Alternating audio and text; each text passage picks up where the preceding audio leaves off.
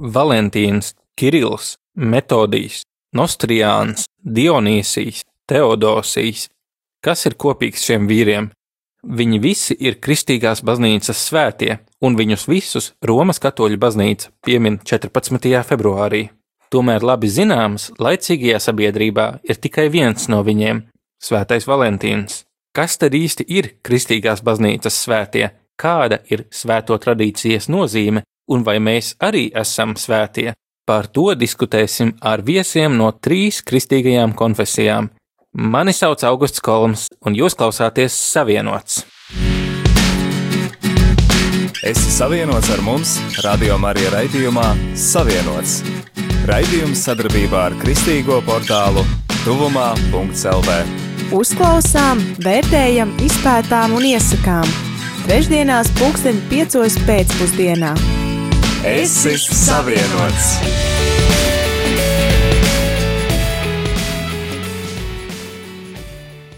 Iesākot šo tēmu, lūdzām garām gājējiem uz ielas nosaukt vienu Kristīgās baznīcas svēto.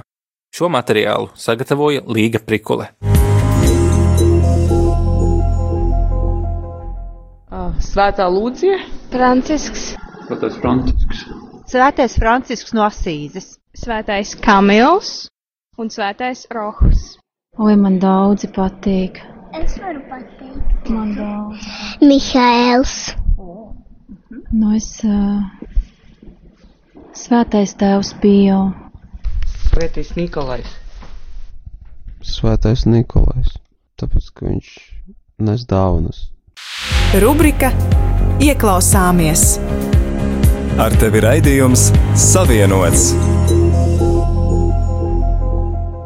Šodien raidījumā viesojas Jāzeps Bikše, evanģēlists Latvijas evanģēliski Lutriskajā baznīcā, Anna Dobele, Latvijas apvienotās metodistu baznīcas mācītāja Rīgas pirmajā draudzē un priesteris Andrzejs Lapinskis, Rīgas garīgā semināra rektora vietnieks. Kas tad ir Kristīgās baznīcas svētie? Kā jūs to saprotat?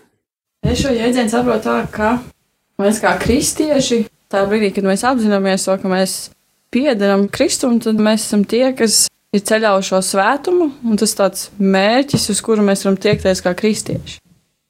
Ticības apliecinājumā Katoliskajā baznīcā mēs sakām, ka mēs ticam Svēto sadraudzībai. Svēto sadraudzība ir paraugs un piemērs, uz ko mēs tiecamies. Svētums tas nav nekas tāds pārdabisks, nav nekas neparasts. Svētums ir meklēt dievu, būt tuvāk dievam, arī tādās ikdienas situācijās, ar kurām mēs dzīvojam. Tie svētie cilvēki, kas ir par tādiem pasludināti, tas ir tāds atgādinājums mums visiem, ka tas ceļš, kas ir ejams, ka viņš ir sasniedzams, ka tas nav kaut kas pārdabisks, ka tas nav nekas neiespējams. Tas ir tāds stiprinājuma piemērs, kas ir mums visiem labas gribas cilvēkiem šajā Kristus sekošanas ceļā.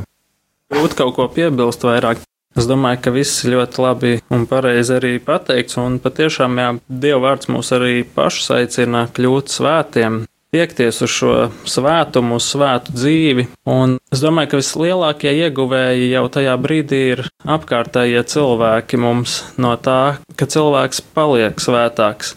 Jo tie ir tie labie augļi, ko tad cilvēki var apkārt baudīt. Tas ir, nu, teiksim, garā augļi, ko mēs zinām par garā augļiem, kādi viņi ir vai ne. Un mēs esam tā kā tādi sūtņi no citas vietas, no citas zemes, kas ierodās pie šiem cilvēkiem, kas šeit dzīvo pasaulē, un mēs viņiem kaut ko atnesam. Gluži tā kā apsolītajā zemē, kad nonāca dieva tauta pie apsolītās zemes, viņi izsūtīja izlūkus, vai ne? Šī izlūka atnāca atpakaļ un atnesa kādus augļus.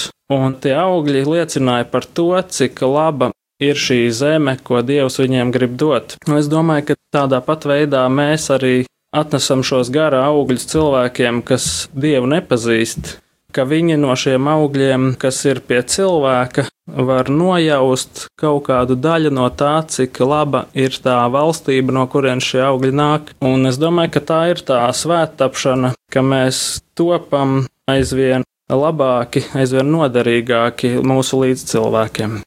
Vai no jūsu sacītā var saprast, ka arī mēs esam vai varam būt svētie? Viennozīmīgi. Protams, pāvests Jānis Pāvils II teica, ka svētums nav privilēģija. Katrs cilvēks, kurš nāk šajā pasaulē ar visdažādākiem aicinājumiem, katram citam tā ir ģimenes dzīve, citam tā ir būt par garīdznieku, par sludinātāju, par mācītāju, bet visiem vienmēr ir kopīgs aicinājums kļūt par svēto. Tas nozīmē sekot Kristum, meklēt patiesību, tiekties pēc patiesības, pilnveidot sevi. Arī tādas ikdienas situācijas. Ne katram no mums ir kaut kādas īpašas žēlastības, mainīt pasauli vai pārveidot sabiedrību, bet mēs varam tādās ikdienas situācijās būt pacietīgam ar savu vīru, pacietīgam ar savu sievu, būt mīlošam pret savu draugu, būt kārtīgam bērnam, būt labam studentam, neaprunāt, nelāmāties un tā tālāk. Tie sīkumi, kas mums it kā liekas tādi banāli, pašsaprotami, bet tieši caur tām lietām mēs arī tuvojamies Kristum. Un tāpēc atbildot uz jūsu jautājumu, viennozīmīgi visi, visi mēs esam potenciāli svētie. Potenciāli tikai. Jāzeps māja ar galvu. Jāzep, ko vēl šeit var papildināt? Mēs varētu varbūt pieskarties tam, kas ir mums tas palīdzošais, varbūt kā mēs uztveram citus cilvēkus, kas ir dzīvojuši, kurus mēs uzskatām par tādu kā priekšzīmi, kā mēs to uztveram, ko mēs pēc tam ar šo svētumu darām. Drīzāk es tā teiktu. Ja, piemēram, augusts nodzīvo savu dzīvi, un šajā augusta dzīves augļi ir tik labi, ka cilvēki gribētu teikt, ka viņš kaut kādā ziņā ir svēts, viņš ir bijis kā labs paraugs. Ko mēs ar to iesākam pēc tam, vai ne? Ko cilvēki ar šo iesāk? Vai šis Valentīns, kurš dzīvoja, vai viņam būtu prieks par to, kā šī diena tiek atzīmēta pasaulē tagad?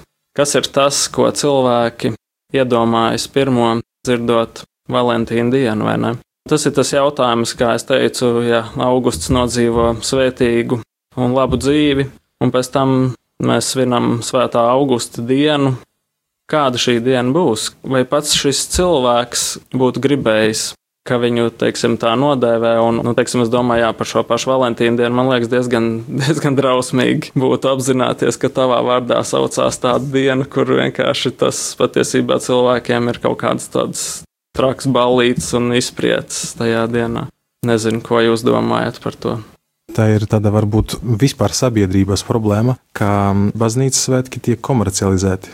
Un tas ne tikai par Valentīnu dienu, kas tur vismaz katoļu baznīca tā nav tāda plašā mēroga svētki. Tas varbūt atsevišķas lokālas baznīcas šie svētki tiek svinēti tieši baznīcā. Bet vispār kopumā visi svētki, kas ir baznīca, kas ir kristiešiem, tiek komercializēti. Vai tie būtu Kristus dzimšanas svētki, kuri sauc par Ziemassvētkiem, vai tie būtu Lieldienas, jeb Kristus augšanas celšanas notikums, vai kādi citi. Visu svēto dienu, piemēram, tiek pārtaisīts par kaut ko citu. Tas nozīmē, ka šie svētki ir tendēti, ir virzīti uz to, lai to komercializētu, lai cilvēks to it kā svin, bet īstenībā to būtību vispār neaizsniedz. Un nabaga svētais Valentīns, tā doma ir ļoti svētīga. Ja mēs turpinām, ko Jāzeps teica par svēto Valentīnu, tā doma ir ļoti laba, ka tiek uzsvērta mīlestība, ka tiek uzsvērta arī jā, draudzība, Bet tikai kāda veida tas tiek darīts, mīlestība jau nav sirsniņas uz vaiga vai tur, ko tur lacīši vai ko tur tiek sirsniņas vai, vai kā. Tas ir upuris, tā ir uzupurēšana, citreiz arī sāpes. Kaut kas tas, kas prasa, lai cilvēks uzupurēs daļu otra. Kaut kā es neesmu piefiksējis, varbūt jūs esat redzējuši kaut kur tādu reklāmu. Svētā Valentīna diena upurējies daļai citiem. Nē, kaut ko tādu nav. Jā, tur drīzāk atlaidas, drīzāk ko var ballīties, kaut ko svinēt un tā, bet par to būtību un jēgu, ko svētais Valentīns, kas viņš ir būtu vai nebūtu, par to pamat domu, ko viņš ir runājis, proti tā mīlestība uz tuvāko, nu tas kaut kā paliek novārtā. Bet tas ne tikai svētais Valentīns, tas vispār kristiešu svētki. Grūti varbūt kaut ko komentēt tieši par to, ka tas ir ļoti uz patērētājiem vērsti svētki, bet tas, ko es gribētu piemetināt, man liekas, arī ne tikai, ka mēs runājam par svētījiem, ka mums ir jārunā ne tikai par tiem, kas varbūt nomirst, jeb ļoti daudzi pirmie svētie tieši ir mocekļi, kas nomira mocekļu nāvē, bet tā pašā laikā arī, ko priesteris Andrzejs minēja, kad mēs kā piemēru redam iespēju cilvēkiem, un tikpat labi mēs varētu runāt par tiem svētajiem, kas ir piemēri mūsu dzīvēs, un varbūt tie nav kaut kādi ļoti lielie žēlsirdības darbi, bet te pašā laikā arī kaut kādi tie mazie ikdienas darbi, kur mēs kā kristieši varam mācīties katru dienu, esot kopā ar citiem kristiešiem, ne tikai draudzē, mājās, sabiedrībā vai jebkurā citā vietā. Kā tad tas darbojas, ka mēs varam būt svētie kādā veidā, ja mēs arī, teiksim, dievkalpojumā, grēksūdas lūkšanā sakām, es nabaga grēcinieks? Mārtiņš Luters, kurš ir Lutriskās ticības pamatlicējs, bet kurš darbojās arī uz katoļu baznīcas mācības pamata, izējot no šī punkta, viņš saka par kristieti Simuli, jūs esat pekātori attiecīgi, vienlaikus taisnais un grēcinieks. Kā jūs to saprotat šo ideju? Vai jums ir pieņemami, ka reizē cilvēks var būt grēcinieks vai svētais, vai varbūt tomēr īstenībā mēs esam izšķirošā līmenī tikai viens no šiem? Lieta tāda, ka kamēr mēs ejam šo Kristus sekošanas ceļu, kamēr mums ir šī iespēja, tad eh, acīm redzami, ka mēs esam tikai cilvēki ar savu ievainoto dabu un mūsos ir tendence uz vājumu, bet arī grēks, arī klūpiens, arī krītiens, arī kļūda var man palīdzēt apzināties savus trūkumus, var palīdzēt man augt pazemībā un var palīdzēt man augt izpratne, ka man ir jāceļās, ka man nedrīkst palikt tādā stāvoklī. Tā kā, ja es pareizi arī uzsveru kļūdas, pareizi uzsveru kādu klupienu, tad tas arī man var palīdzēt ceļā uz svētumu. Tāpēc mēs nevaram dzīvot utopijā un domāt, ka ar grēku nebūs nekādu problēmu. Tas būs vienmēr, jā, bet mums tomēr nevajadzētu koncentrēties uz to, cik es esmu vājš un ka man nekas nesanāk. Bet, protams, apzinoties savu to realitāti par sevi, patiesību par sevi, nedrīkst arī runāt, ka viss ir ideāli, viss ir perfekti. Nē, nē, nē, ir savas grūtības, ir savi trūkumi, bet es eju pretī Kristum. Es varbūt paklupu, es krītu, bet es ceļos, cik reizes es krītu, cik reizes arī ceļos, un jāiet vienmēr pretī Kristum. Tā kā šī tāda praktiskā izpausme grēks un svētums iet roku rokā. Problēma ir, ja es palieku grēkā, ja es pakritu un es negribu celties. Negribu, tāpēc, ka tas nav izdevīgi, tāpēc, ka tas ir sarežģīti. Varbūt es negribu celties, tāpēc, ka neviens necēlies apkārt man, visi paliek tādā stāvoklī, un tu ko es te viens pats būšu tāds. Bet, ja es pakritu, bet es apzinos, ka nē, tas nav priekš manis, neskatoties to, ka varbūt pēc tam es eh, vēlreiz kritīšu, droši vien kritīšu, jā, tad es celšos. Protams, lielie tādi svētie, piemēram, Avīlis Terēze un Jānis no Krusta vai Māte Terēze, piemēram, Svētā Māte Terēze, kas ir tāda viena no mūsdienu svētajiem, tad savas dzīves laikā viņi jau sevi attīstīja tik, tik daudz, ka viņiem izdevās izvairīties vismaz no lieliem grēkiem viennozīmīgi. Bet tas nenozīmē, ka arī viņiem nebija kaut kādu savu iekšēju cīņu. Bija noteikti. Par to nav jāšaubās. Tā kā mums nav jābaidās un nav jākoncentrējas tikai uz to, cik es esmu slikts, bet to, ka man ir jāceļas un jāpilnveidojas, jāaug un jāiet pretī Kristum. Jā, tieši tā. Es domāju, ļoti labs piemērs arī ir apstults Pāvils. Mēs jau neteiksim, ka viņš visu mūžu bija pilnīgs grēcinieks, neglābjams un, un ka tur galīgi viss slikti. Bet viņš pats saka, ka viņam ir cēltana zelons viņa miesā. Viņš trīs reizes ir Dievu lūdzis, lai tas to paņemtu prom. Uz ko viņš ir saņēmis atbildi, tev pietiek ar manu žēlastību. Es domāju, ka tas ir tas moments, kur tu saproti, ka no vienas puses Dievs caur tevi var darboties, no otras puses tu saproti, ka tu nemaz tik labs nēs. Un tu īstenībā nesaproti, kāpēc Dievs vispār tevi kaut kam ir izvēlējies. Tieši tā es piekritīšu, ka tas grēcīgums, tās vainas, kas mums katram ir, tas ir ļoti labs instruments, kā mums mācīt pazemību Dievu priekšā. Jo, ja tas nebūtu, tad mēs iespējams paliktu lepni kā pats sātans pirms krišanas. Tās grēcīgums, tas, ka mēs saredzam visu laiku savas kļūdas, tas noliek mūsu pazemībā, ka mēs visu laiku varam īstenībā būt paklausīgi Dievam. Jo citādāk mums varētu sākt likties, ka mēs paši diezgan labi zinām, kas mums ir jādara. Redz, es jau pats esmu ticis ar kaut ko galā, es pats to grēku esmu uzvarējis, es pats tagad darīšu lietas. Un tad vienā brīdī mēs saprotam, ka Dievs jau man vairs nav vajadzīgs. Es jau pats esmu Dievs. Un tāpēc man liekas, ir tik labi, ka mēs tomēr katrā dievkalpojumā arī sakam, es nabaga grēcinieks. Tādējādi mēs parādām Dievam, ka patiesībā katru dienu visu, ko mēs darām, mēs bez Dieva žēlastības un viņa palīdzības nemaz neko nevaram paši izdarīt. Tāpēc šīs divas lietas iet kopā. Viņas viena otru neizslēdz, jo Dievvvārds arī saka, līdz nāvei mēs paliekam tomēr arī grēcinieki. Un Pāvils saka, ja kāds saka, ka viņš negrēko, viņš māna pats sevi, viņš sev melo.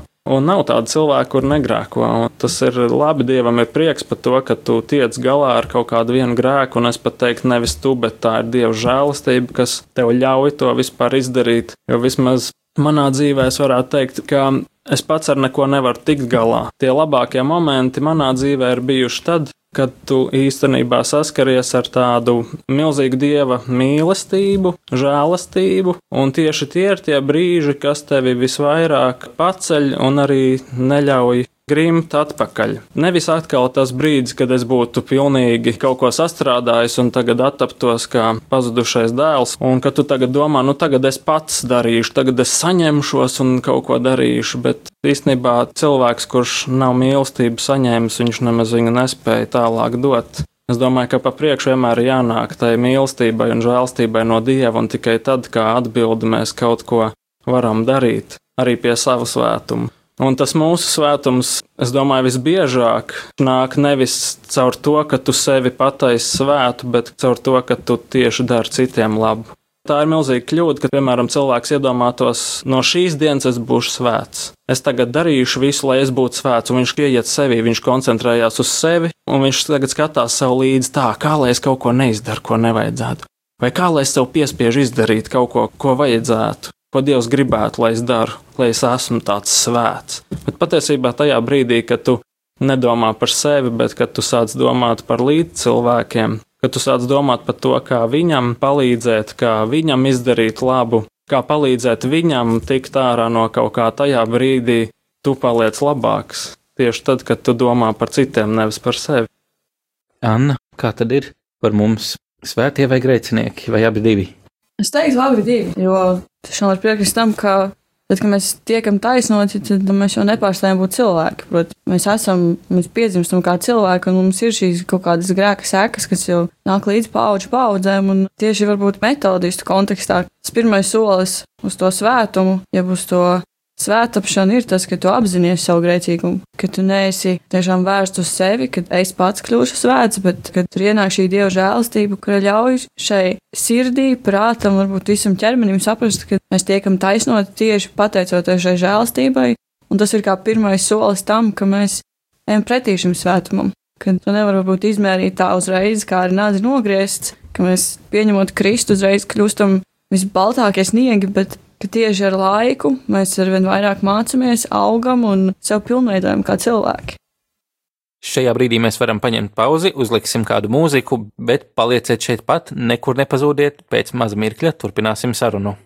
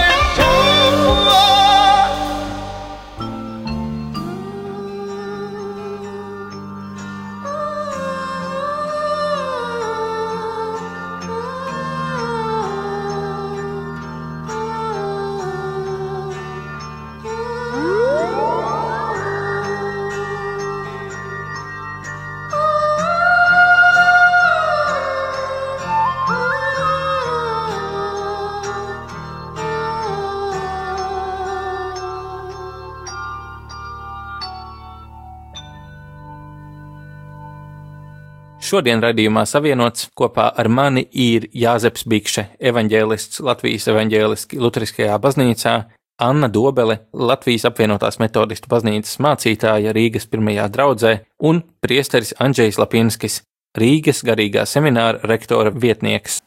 Un mēs, domājot par Svētā Valentīna dienu, runājam par to, kas tad ir tie svētie. Raidījumā pirmajā pusē jau runājām par to, kā mums katram būt svētajam vai iet uz šo virzienu, bet parunāsim tagad par tiem senajiem, tiem svētajiem no baznīcas vēstures, no baznīcas tradīcijas. Palasot šos stāstus, dažkārt var atrast ļoti interesantas, neparastas lietas. Man šķiet, tas bija svētais jūris, kurš cita pūķi, un par svēto Kristoferu viens no maniem mīļākajiem stāstiem šiem ir, ir par to, ka viņš bija briesmonis, milzis, dažos variantos pat ar suņa galvu, un kā viņš atrod jēzu. Un mans jautājums ir, ko darīt ar šiem stāstiem, kā mums viņus lasīt, vai kā žurnālistiku, aculiecinieku liecības, kā cilvēki to ir pieredzējuši, vai kā simbolismu, varbūt pat kā daļradi.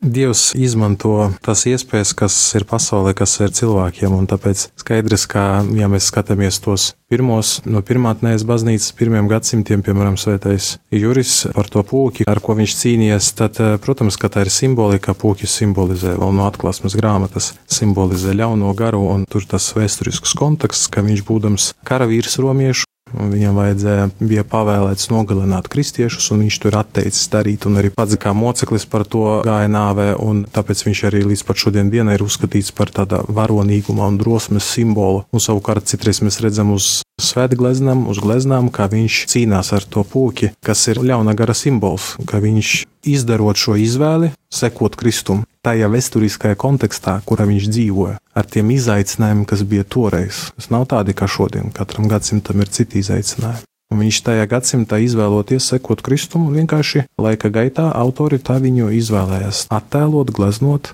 tieši kā drosmīgs karavīrs ar šķēpu, cik es atceros, viņš tur ir. Un viņš tur to cauruduru, to pūki, un tā tādā veidā viņš uzvarēja to ļauno garu, kas arī uzbruka katram cilvēkam. Savukārt to otro, kurš tur bija Kristofers. Jā.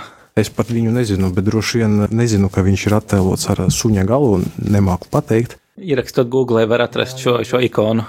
Tur droši vien tur jāpajautā varbūt tiem, kuri ir pētījuši tieši ikonas, un e, noteikti tur ir kaut kāda doma, kaut kāds simbols, noteikti ļoti dziļš, ko tā. Tāpēc atbildot uz jautājumu, vai mēs drīkstam skatīties nu, tā, bez tādas kritiskas analīzes, tad, protams, ka nē. Nu, ja mēs runājam par mūsdienu svētiem, tas ir savādāk, bet ja mēs runājam par to laiku, tas ir tas, kā tā laika cilvēki ir sapratuši to vēstījumu, ko viņš gribēja pateikt. Un tas arī tiek nodots uz paudzes paudzes. Bet skaidrs, ka puķi nelido un Kristoferam un nevienam citam nav suņa galvas.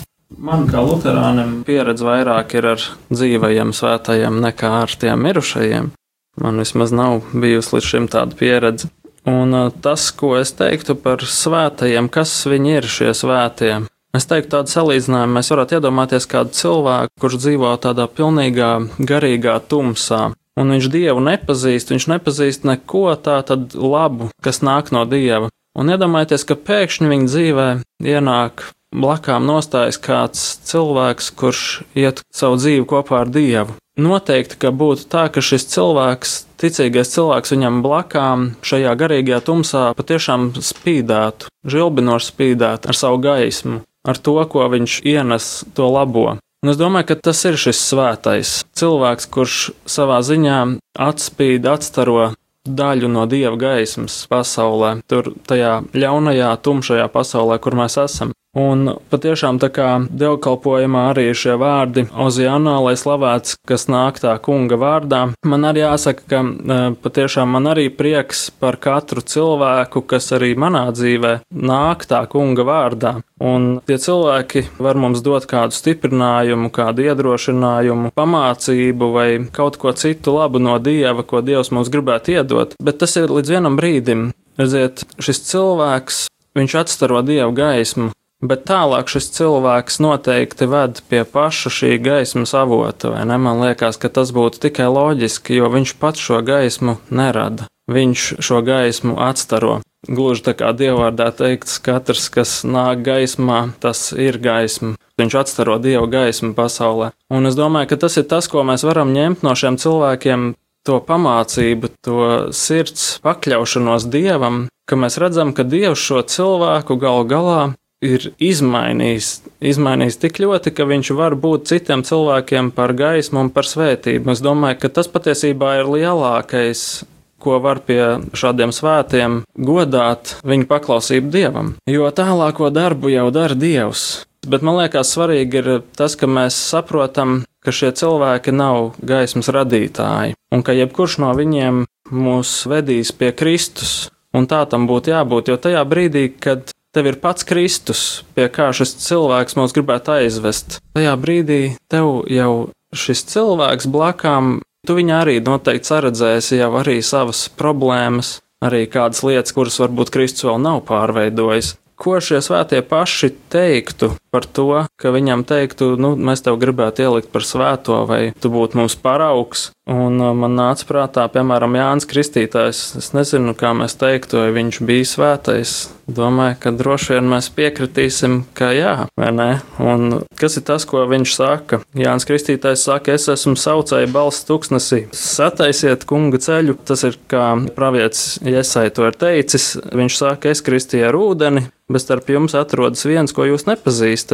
Šis ir tas, kas nāks pēc manis, kam es neesmu cienīgs atraisīt kurpju siksnas. Un tas ir tas, manuprāt, kā šie svētie, jebkurš no svētajiem, viņš nerādīs uz sevi, viņš rādīs uz Kristu. Un tāpat kā Jānis Kristītājs, viņš saka, ka viņš salīdzinot ar Kristu, nav viņam cienīgs pat kurpju siksnas attaisīt. Tāpat arī, es domāju, visi pārējie svētie, kā mēs sakām, kādreiz visi Kristus svētie, Kur tad citur viņi varētu vest kā pie Kristus, kā pie tā, kas viņus pašus ir izglābis un darījis svētus? Un eh, kā Jānis Kristītājs saka, eh, es kristīju ar ūdeni, bet starp jums atrodas viens, ko jūs nepazīstat. Un tas man liekas interesanti, ka var gadīties situācija, ka Jāna Kristītāju mēs pazīstam, kādus citus svētos mēs pazīstam, bet starp mums patiesībā ir viens, kuru mēs nepazīstam, kuram Jānis Kristītājs nav cienīgs atraisīt kurpju siksnas. Un uh, man liekas, ka tā būtu ļoti bēdīga situācija, ka mēs paliktu tikai pie šiem gaismas atstarotājiem. Kad, ja cilvēks gadījumā nesasniegtu pašu gaismas avotu, es domāju, ka tā būtu ļoti bēdīga situācija. Kaut kādu iemeslu dēļ, es nezinu pat kāpēc tā būtu jānotiek, bet es domāju, ka tas būtu diezgan traģiski. Ka tas ceļš, kā Pāvils saka, ka to, to ticību, ko jūs esat iesākuši, es ceru, ka Kristus jūsos arī pabeigs līdz beigām. Ka kāds cilvēks nepabeigtu šo ticības ceļu, un tas būtu tā kā tev blakām ir kāds cilvēks, un tu viņam stāsti par Dievu, un ka patiesībā to ar savu piemēru, ar to labo, ko Dev Dievs ir devis, tu viņu nespētu aizvest līdz Dievam kaut kādu iemeslu dēļ. Es domāju, ka katram no mums būtu īstenībā par to diezgan bēdīgi. Un es domāju, labs piemērs ir par svēto garu. Ja mēs zinām, ka svētais gars, kāds ir viņa uzdevums, svētais gars ir teikts, ka viņš neko nerunās no sevis, bet viņš atgādinās visu, ko es jums esmu mācījis, Kristus saka. Iedomājieties, viss, ko svētais gars dara, viņš īstenībā nesaka neko no sevis, viņš ved visus uz Kristu. Viņš parāda to vienīgo ceļu, vienīgo glābēju, kas ir Kristus. Un viņš ir Dievs, svētais gars ir Dievs, viena no Dieva personām. Un ja Dieva persona viena aizliedz sevi, bet rāda uz Kristu un saka, tas ir jūsu vienīgais glābiņš, tad es nevaru iedomāties patiesībā nevienu cilvēku, dzīvu vai mirušu, kurš nedarītu to pašu. Ja pat pats Dieva svētais gars norāda tikai uz Kristu, tad patiesībā jebkuram arī cilvēkam svētajam būtu jānorāda uz Kristu. Manuprāt, nu tā īsumā. īsumā. īsumā. Ko Anna var piebilst šeit par senbaznīcas svētajiem? Kad sanāk lasīt šos stāstus, tad vienmēr ir šī atsauce tieši uz to, ka gluži kā Pāvils raksta, ka es visu spēju tā spēkā, kas man dara stipru. Ik viens no šiem stāstiem vairāk vai mazāk tieši šo ideju, man liekas, lielākoties arī ietver. Bet tas, kā šie svētie tiek attēloti, noteikti nevar nerunāt par kaut kādu kontekstu, kas ir tajā laikā. Liekas, jebkurš literārs darbs jālasa ar attiecīgo vēstures kontekstu, ar kādu kultūras kontekstu. Un tas iedvesmojošais, man liekas, ir arī tas, ka šie svētie ir gluži kā varoņi mūsu starpā, kad mēs varam uz viņiem skatīties, ņemt šo piemēru un, un kaut kādas lietas arī mācīties, bet arī nepazaudējot to pašu esenci, kur ir tas, nu, ka tas svētais varēja to visu izdarīt tikai tāpēc, ka viņam bija šis spēks, ja pastāv viņš neko nevarētu. Un visi šie svētie stāsti arī, ko mēs rakstam tagad, kaut vai tā pati māte Terēze, kad mēs lasām viņas dzīves stāstu, viņš liekas tik iedvesmojoši, pacelājoši, un kad ir tas wow, tā kā varonis. Un svētos, man liekas, mēs kā cilvēki izvēlamies no savas vidus. Un tad varbūt tādu lielu abrīnu tieši arī vērtējam, un vērojam, un lasām, un mēģinam saprast, varbūt, kur es varētu līdzināties, bet nepazaudēt arī to skatu no Kristus, jo ļoti viegli skatīties uz kaut ko, ko mēs redzam ar acīm, ka ir šīs varbūt vēl vairāk vēstures liecības vai vēl vairāk stāsti, bet mums ir kāds, kurš arī atgādina par to, cik būtisks lietas un liels mēs varam paveikt, ja mums ir Kristus. Es tikai varbūt vienu, vienu lietu arī gribētu. Tas tā arī tika šeit vairākas reizes arī pateikts, bet tā, nu, lai šī doma visā mūsu dialogā nezūd, ka svētos mēs nepielūdzam, tā ir ļoti svarīga nianse, pielūdzamies kungu. Savukārt svētos mēs godinam kā tādus piemērus, kā paraugus, kuri mūs iemācīja, kuri var mūs iemācīt, bet kuri vienmēr, kā arī Jāzeps pateica, norāda uz Kristu. Svēts, vismaz kristīgā izpratnē, nemaz nevar nenorādīt uz Kristu. Ja viņš ir svētais, tad tas ir a priori automātiski. Viņš rādā tur, viņš ir tur, vai viņš tur. Jā, tas viņš parāda, kur viņu meklēt. Un parāda ar savu dzīvi, ka man izdevās, draugs, man izdevās, izdosies arī tev. Protams, katram tie ceļi ir ļoti dažādi. Skaidrs, ka varbūt grūti šodien mūsdienu cilvēkiem, mūsdienu jauniešiem, grūti ņemt sev par piemēru svēto Kristoferu ar suņa galvu vai svēto Juri, kurš bijis karavīrs Romas impērijā. Tas šodien nav tik aktuāli vairs nav nec Romas impērijas, nec tādas izpratnes par kristiešu vajāšanām šodien, bet katrs no mums var sev atrast, ja viņš meklē tādu piemēru paraugu, kas viņu iedvesmo ceļā pie Kristus, vienmēr pie Kristus. Ka tā nav kaut kāda personības tādā godināšana, ka tu esi tāds īpašs, tu esi tāds labs, bet tu esi īpašs un tu esi labs, jo tu esi atradis Kristu. Vienmēr Kristus ir centrā. Tā katoliskajā, kristīgajā baznīcā tā svētuma teoloģija vienmēr ir kristocentriska. Tas nozīmē, ka Kristus vienmēr ir centrā ja tā nav kristocentriska, tad tā nav kristietība vairs. Tas ir kaut kas mans izdomātais, kaut kāds kults. Tas tā vienkārši, lai mēs nepazaudētu to domu. Jā, papildinot arī tas, ka ne tikai šī pielūgsme, bet arī noteikti arī paļaušanās mums ir uz Kristu. Tas ir tas, ko mums īstenībā vajadzētu redzēt, ka šis svētais, viņš mums eh, iedod šo savu bagāžu, Viņš saka, tā kā es esmu paļāvies uz Kristu, tad arī tev būtu jāpaļaujas uz Kristu, un tas ir tas, kā mums vajadzētu uz to skatīties. Un uh, bieži vien tas ir droši vien no pašiem cilvēkiem atkarīgs. Tad, kad cilvēks nāk pie ticības, viņam vēl ir tāda bērnu ticība, viņš daudz lietas nesaprot varbūt. Tad ir loģiski, ka cilvēks arī kļūdās. Un kādreiz šī kļūda ir, ka mēs to, kas mūs ir uzrunājis, varbūt šo cilvēku, kas atstaro Kristus gaismu, ka mēs viņam sākam vairāk pievērst uzmanību, vairāk mīlēt nekā to pašu Kristu, pa ko viņš runā. Un no vienas puses tas ir diezgan loģiski, jo viņš mums ir tā kā tuvāk, viņš ir pieejamāks. Mums tā sajūta, ka Kristus ir kaut kur tālu, šis man ir pieejamāks. Bet eh, es domāju, ka tā būtu viena no kļūdām, ka mēs sāktu jā, paļauties uz tiem, kas mūs grib aizvest pie Kristus. Un es varbūt tā domāju, kā lai pasaka labāk, un man nāca piemērs tāds, mēs varētu iedomāties, ka būtu kāda svētki izsludināti. Un tagad kāds ļoti augstdzimis, bagāts cilvēks šo svētkus rīko, un viņš saka, ka svētkos tiks ielūgti tikai labākie no labākajiem.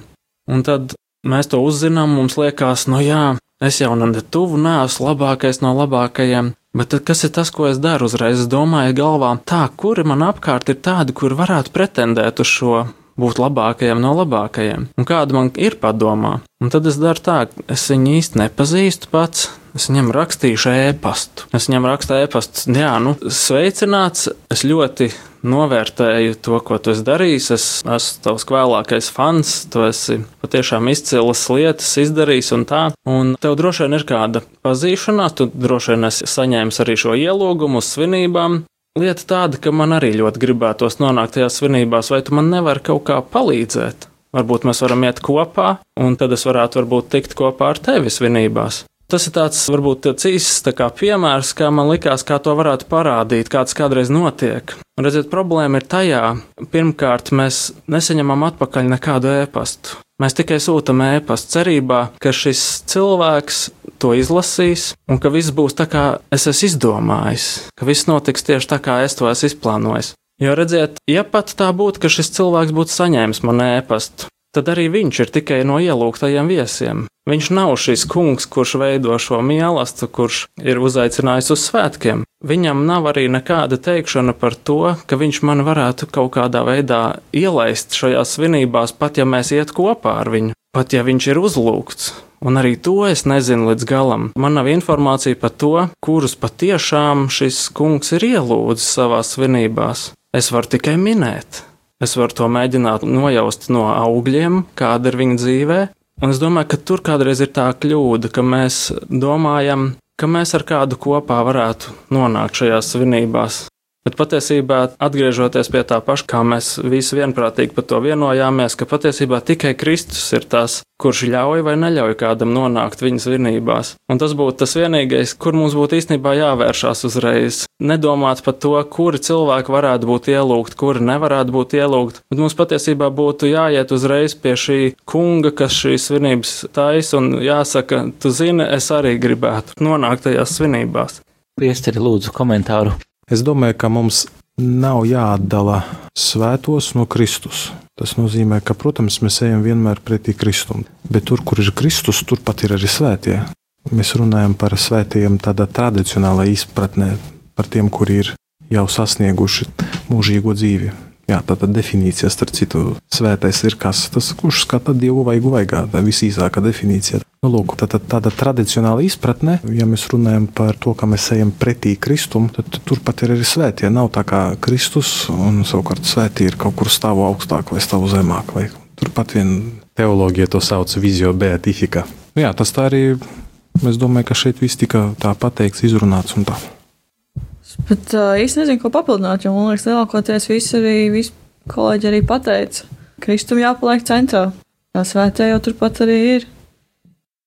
Tad noslēgumā, ja jums tagad ir jānosauc kāds svētais, kurš jums ir vistuvākais, viena vai otra iemesla dēļ, vai dzīves stāsta dēļ, vai liecības dēļ, vai varbūt jūs saskatāt kādu simbolismu, ka viņam ir tāds pats vārds kā jums, vai nu ir varianti, vai ne? Kurš būtu jūsu mīļākais svētais, jums tuvākais svētais katram? Nu, tad jau man jāsaka, Jāzeps noteikti, vai ne? Eģipts, Jāzeps droši vien, tad man jāsaka būtu jautājums, kurus mēs pateiksim par svētajiem, vai viss, kas rakstīts Bībelē, vienalga, vai viņš ir veicis vienu kauju Dieva vadībā, vai par viņu ir milzīgs dzīves stāsts, kur viņš visu dzīvi ir gājis Dieva vadībā, vai mēs viņus abus ieliksim par svētajiem. Un tad man jāsaka, jā, ja no Bībeles tēliem, tad Protams, ka ir, ir daudzi, ir daudz no kuriem paņemt daudz labas lietas. Katrs varbūt citā veidā kaut ko ir pierādījis, cits ar milzīgu paļāvību uz Dievu, cits ar milzīgu drosmi, arī tāpat uz Dievu. Un patiesībā viss, ko mēs spējam izdarīt, ir tikai pateicoties Dievam un uz Dievu. Un katru cilvēku Dievs izmanto citādāk, tā kā viņš to grib, un visas šīs lietas ir vienlīdz nozīmīgas un vienlīdz labas. Tas tā kā mēs zinām par Kristus miesu ķermeni, kur katra daļa patiesībā ir nozīmīga. Neviena nav mazāk nozīmīga. Tāpat es domāju, ka katrs cilvēks, kurš savā dzīvē iet ar Kristu, ir vienlīdz nozīmīgs. Problēma kādreiz ir tajā, ka mums patīk saredzēt tās daļas, kuras ir visvairāk redzamas, Bet arī par to dievvvārds saka, vai ne, ka ir tādas ķermeņa daļas, kas ir apslēptas, bet kurām ir vēl lielāka nozīme kādreiz. Tāpēc man negribētos kādu apdalīt, kurš ar dievu ir dzīvojis savu dzīvi un nav ticis pamanīts. Man gribētos arī viņu ielikt tikpat lielā godā, kā to, kas ir visvairāk varbūt pamanīts. Jo mēs jau zinām, ka tas, kas grib būt pirmais, lai ir visu kalps, un tā kā šajā pasaulē kalpus kādreiz ir visgrūtāk redzēt. Tāpēc varbūt tas būtu mans aicinājums tāds arī pamanīt tos svētos, kuriem mēs tik bieži varbūt nepievēršam uzmanību, kuri turpat mums apkārt ir, kuri dara to pašu dievu darbu, tādā pat aicinājumā, tikai citās lietās. Man ir daudz uh, draugu starp svētajiem. Īstenībā katru svēto, kuru es iepazīstu, Viņi visi man ļoti tuvi un ļoti svarīgi. Es nerunāju par tādiem varbūt lieliem svētiem no svētiem rakstiem, bet par tādiem mūsdienu svētiem. Semināra laikā, kad es mācījos pirms daudziem gadiem, mani ļoti iedvesmoja svētais Maksimilians Marija Kolbe, franciskaņu mūks, kas nomira Aušvicā koncentrācijas nometnē par nepazīstamu cilvēku atdevu savu dzīvību. Man ļoti patīk svētīgais eh, Ježa Popiluško, kas ir arī priesteris, tāpēc es tā varu būt. Un arī 84. gada miris, kā arī moceklis Polijā. Tie nav svēti no viduslaikiem, bet tepat man ļoti ir pie sirds nesen iepazinu Kjāra Luča, itāļu meitene, kura nomira vēl 90. gada, tā kā pavisam nesen. Viņai bija 19 gadi vien, un viņa nebija mocekle, vienkārši nomira no slimības. Tad arī man ir ļoti tuvā arī nesen iepazinu kāda sieviete, itāļu sieviete, kurā vēl nav atzīta par svēto, sākas šis beatifikācijas process, Kiara Pertilo. Pavisam vienkārša sieviete, divu bērnu mamma šķiet, nomira 2012. gadā. Pavisam, pavisam nesen tagad iesākas tas beatifikācijas process, tas, starp citu, atbildot un uzsverot vēlreiz tas, ka svētums nav kaut kas pārdabisks. To var sekot, to var dzīvot katrs cilvēks savā ikdienā. Bet arī Latvijā Mēs tā bieži vien visu laiku skatāmies uz visu pasauli, bet arī pie mums, piemēram, Priestris Litānieks, pazīstams, kas otrā pasaules karā, ja, 40. gados šķiet, ir moceklis, ir devis savu dzīvību par Kristu, ir apglabāts Višķos, un tagad arī, nu vēl ne, bet nu, mēs ceram, ka Dieva palīdzību uzsāks to beatifikācijas procesu, un Boļuslavs Loskans, arī kas tagad gan iet beatifikācijas procesa attiecību uz viņu Dieva kalps. Mums, es domāju, vajadzētu līdz rītam sēdēt, kamēr es visus uh, savus favorītus nosaukšu. Viņu ļoti daudz, un uh, katrs sava veida man ir uzrunājis. Protams, man visvairāk imponē tie svētie, kas ir uh, varbūt aktuālāki un tuvāki tieši mūsdienu cilvēkam. Protams, tie lielie fundamenti, pamatpilāri, tādi, kas mums ir svētajos rakstos, tas ir skaidrs arī tie no viduslaikiem lielie svēti, Jānis no Krustā, Vilas Terēze un tā tālāk. Bet, bet tieši mūsdienu Jānis Pauls II, jā, aizmirsu viens no maniem tādiem arī favorītiem lielajiem svētais Jānis Pauls II, neskatoties uz tām dāvanām, ko Dievs viņu apdāvināja, uz to visu arī intelektuālu kapacitāti, kas viņam bija, viņš vienmēr ir saglabājis radikālu vienkāršību, radikālu tādu pazemību, neskatoties uz to, ka viņam bija nopietna vara rokās, un ka viņš to visu savu ietekmi, varu un autoritāti ir izmantojis, lai nestu Kristu cilvēkiem visur, kur viņš ir būtu, vai Latvijā, vai Zimbabvē, vai Madagaskārā, vienalga. Viņš visur izmantoja visas tas dāvanas. Arī tad, kad viņš jau slimo ar Parkinsona slimību, tad, kad viņš vizuāli jau neizskatījās pēc varena, bet viņa sirds, viņa tas siltums, tā tēvišķība, kas viņam bija, tas arī man ļoti uzrunāja. Nevis viņa kaut kādas viņa intelektuālas spējas, bet tieši viņam būt par tēvu pasaulē. Vislabāk kāds no priesteriem polijā kādreiz pateica, ka visizcilākais tēvs 20. gadsimtā ir Jānis Pauls II, izcilākā māte ir māte Terēze 20. gadsimtā. Jā. Tā kā tie ir tādi piemēri siltuma, pašuzupurēšanas, mīlestības, vienkāršības piemēri. Jānis Pauls II, Māte Terēze, bet, kā jau teicu, turpināt, līdz rītam sēdēsim. Es laikam teiktu, ka man nav mīļākais svētais. Kāpēc? Proti, tas, ka piemērs, uz ko es skatos, ir Kristus. Un tas, ka citu dzīvēs Dievs darbojas, un tās liecības ir uh, dažkārt vienkārši tādas wow, tad tā ir daļa no kristiešu būtības, un tas iedvesmo. Un, man liekas, tas ir varbūt tas, kas arī paceļ, tad, kad liekas, nu, Bībelē sarakstīts 2000 gadus atpakaļ, kā tad Kristus darbojas tagad, bet uh, tā, lai es nosauktu vienu konkrētu svēto, ka tas būtu mans mīļākais, man tas, man liekas, ir tikpat grūti kā nosaukt mīļāko grāmatu. Tik daudz lietas, ko mēs varam mācīties, un tik daudz lietas, ko mēs varam izzināt, un tā pieredze katram ir tik dažāda, ka nav tik viennozīmīgi vēl pateikt, kas tad ir mans favorīts. Jā, varbūt pēc gadiem 20, 30, 50. Varbūt būs, bet uh, uz to brīdi es mācos no tā, ko man pasaule dod, no tiem cilvēkiem, kas ir, tuvāki, tie, kas man ir blakus, tikpat labi no tiem, kas ir bijuši, par kuriem mēs varam lasīt, kurus mēs varam varbūt pētīt vēsturiski, bet tās lietas, kas iedvesmo, ir tik dažādas, ka nav tāda viena mīļākā. Tad es sacīšu paldies par jūsu laiku. Kur ir labākā vieta, kur jūs atrast? Droši vien mani nevajag atrast, vajag Kristu atrast, vai ne? Jāsaka tā kā pa tiem svētajiem. Nu, un kur tad vislabāk atrast, tad, kad Kristus vecāki Kristu bija pazaudējuši, kur viņi viņu atrada templī, vai ne? Es domāju, tā ir labākā vieta, kur atrast arī mūsu, jebkuru no mums, arī baznīcās. Jā. Jā, es pilnīgi jāzapa pusē esmu. Tad eh, svarīgi, lai viņi meklē Kristu. Ja kādam par mums svarīgi uzzināt, tad Google palīdzēs noteikti ierakstīs. Nav nekāda problēma. Tur visu, visu atradīs, to, ko vajag, to, ko nevajag, arī atradīs. Lai cilvēki, arī klausītāji, kas mums dzird, klausās, lai koncentrē savu uzmanību tieši uz to, lai meklētu Kristu. Un, ja kāds svētais viņam palīdzēs šī ceļā, slava Dievam par to! Pilnīgi piekrītu kolēģiem, ka, ja ļoti vajag, tad googlē visu var atrast. Ir baznīcas mājaslapa arī, bet uh, ir arī Facebook lapas. Tā kā, ja iegūlē, tad var atrast visu kaut ko. Ah, klausītājiem viss pašiem jāmeklē, ir kā jūs tā. Labi, tad vēlreiz paldies un lai svētīgi! Paldies! Nu, paldies! Jūs dzirdējāt sarunu ar Lutāņu evanģēlistu Jāzepu Bikši, metodistu mācītāju Annu Dobeli un Katoļu baznīcas priesteri Andžeju Lapinski. Aicinu sekot kristīgiem mēdījiem tuvumā LV sociālajos tīklos. Mūs var atrast Facebook, tāpat arī meklējiet mūsu Twitterī, kā attuvumā, atsavienots un arī mani pašu kā atkolms, KOLMS. Gaidīsim jūsu atsauksmes e-pastā uz savienots attuvumā LV. Nākamreiz tiekamies kā ierasts pēc divām nedēļām. Es esmu Augusts Kolms, un šis bija raidījums Savienots.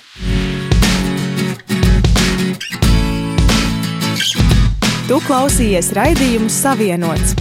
Būsim atkal ēterā trešdien, pulksten piecos pēcpusdienā.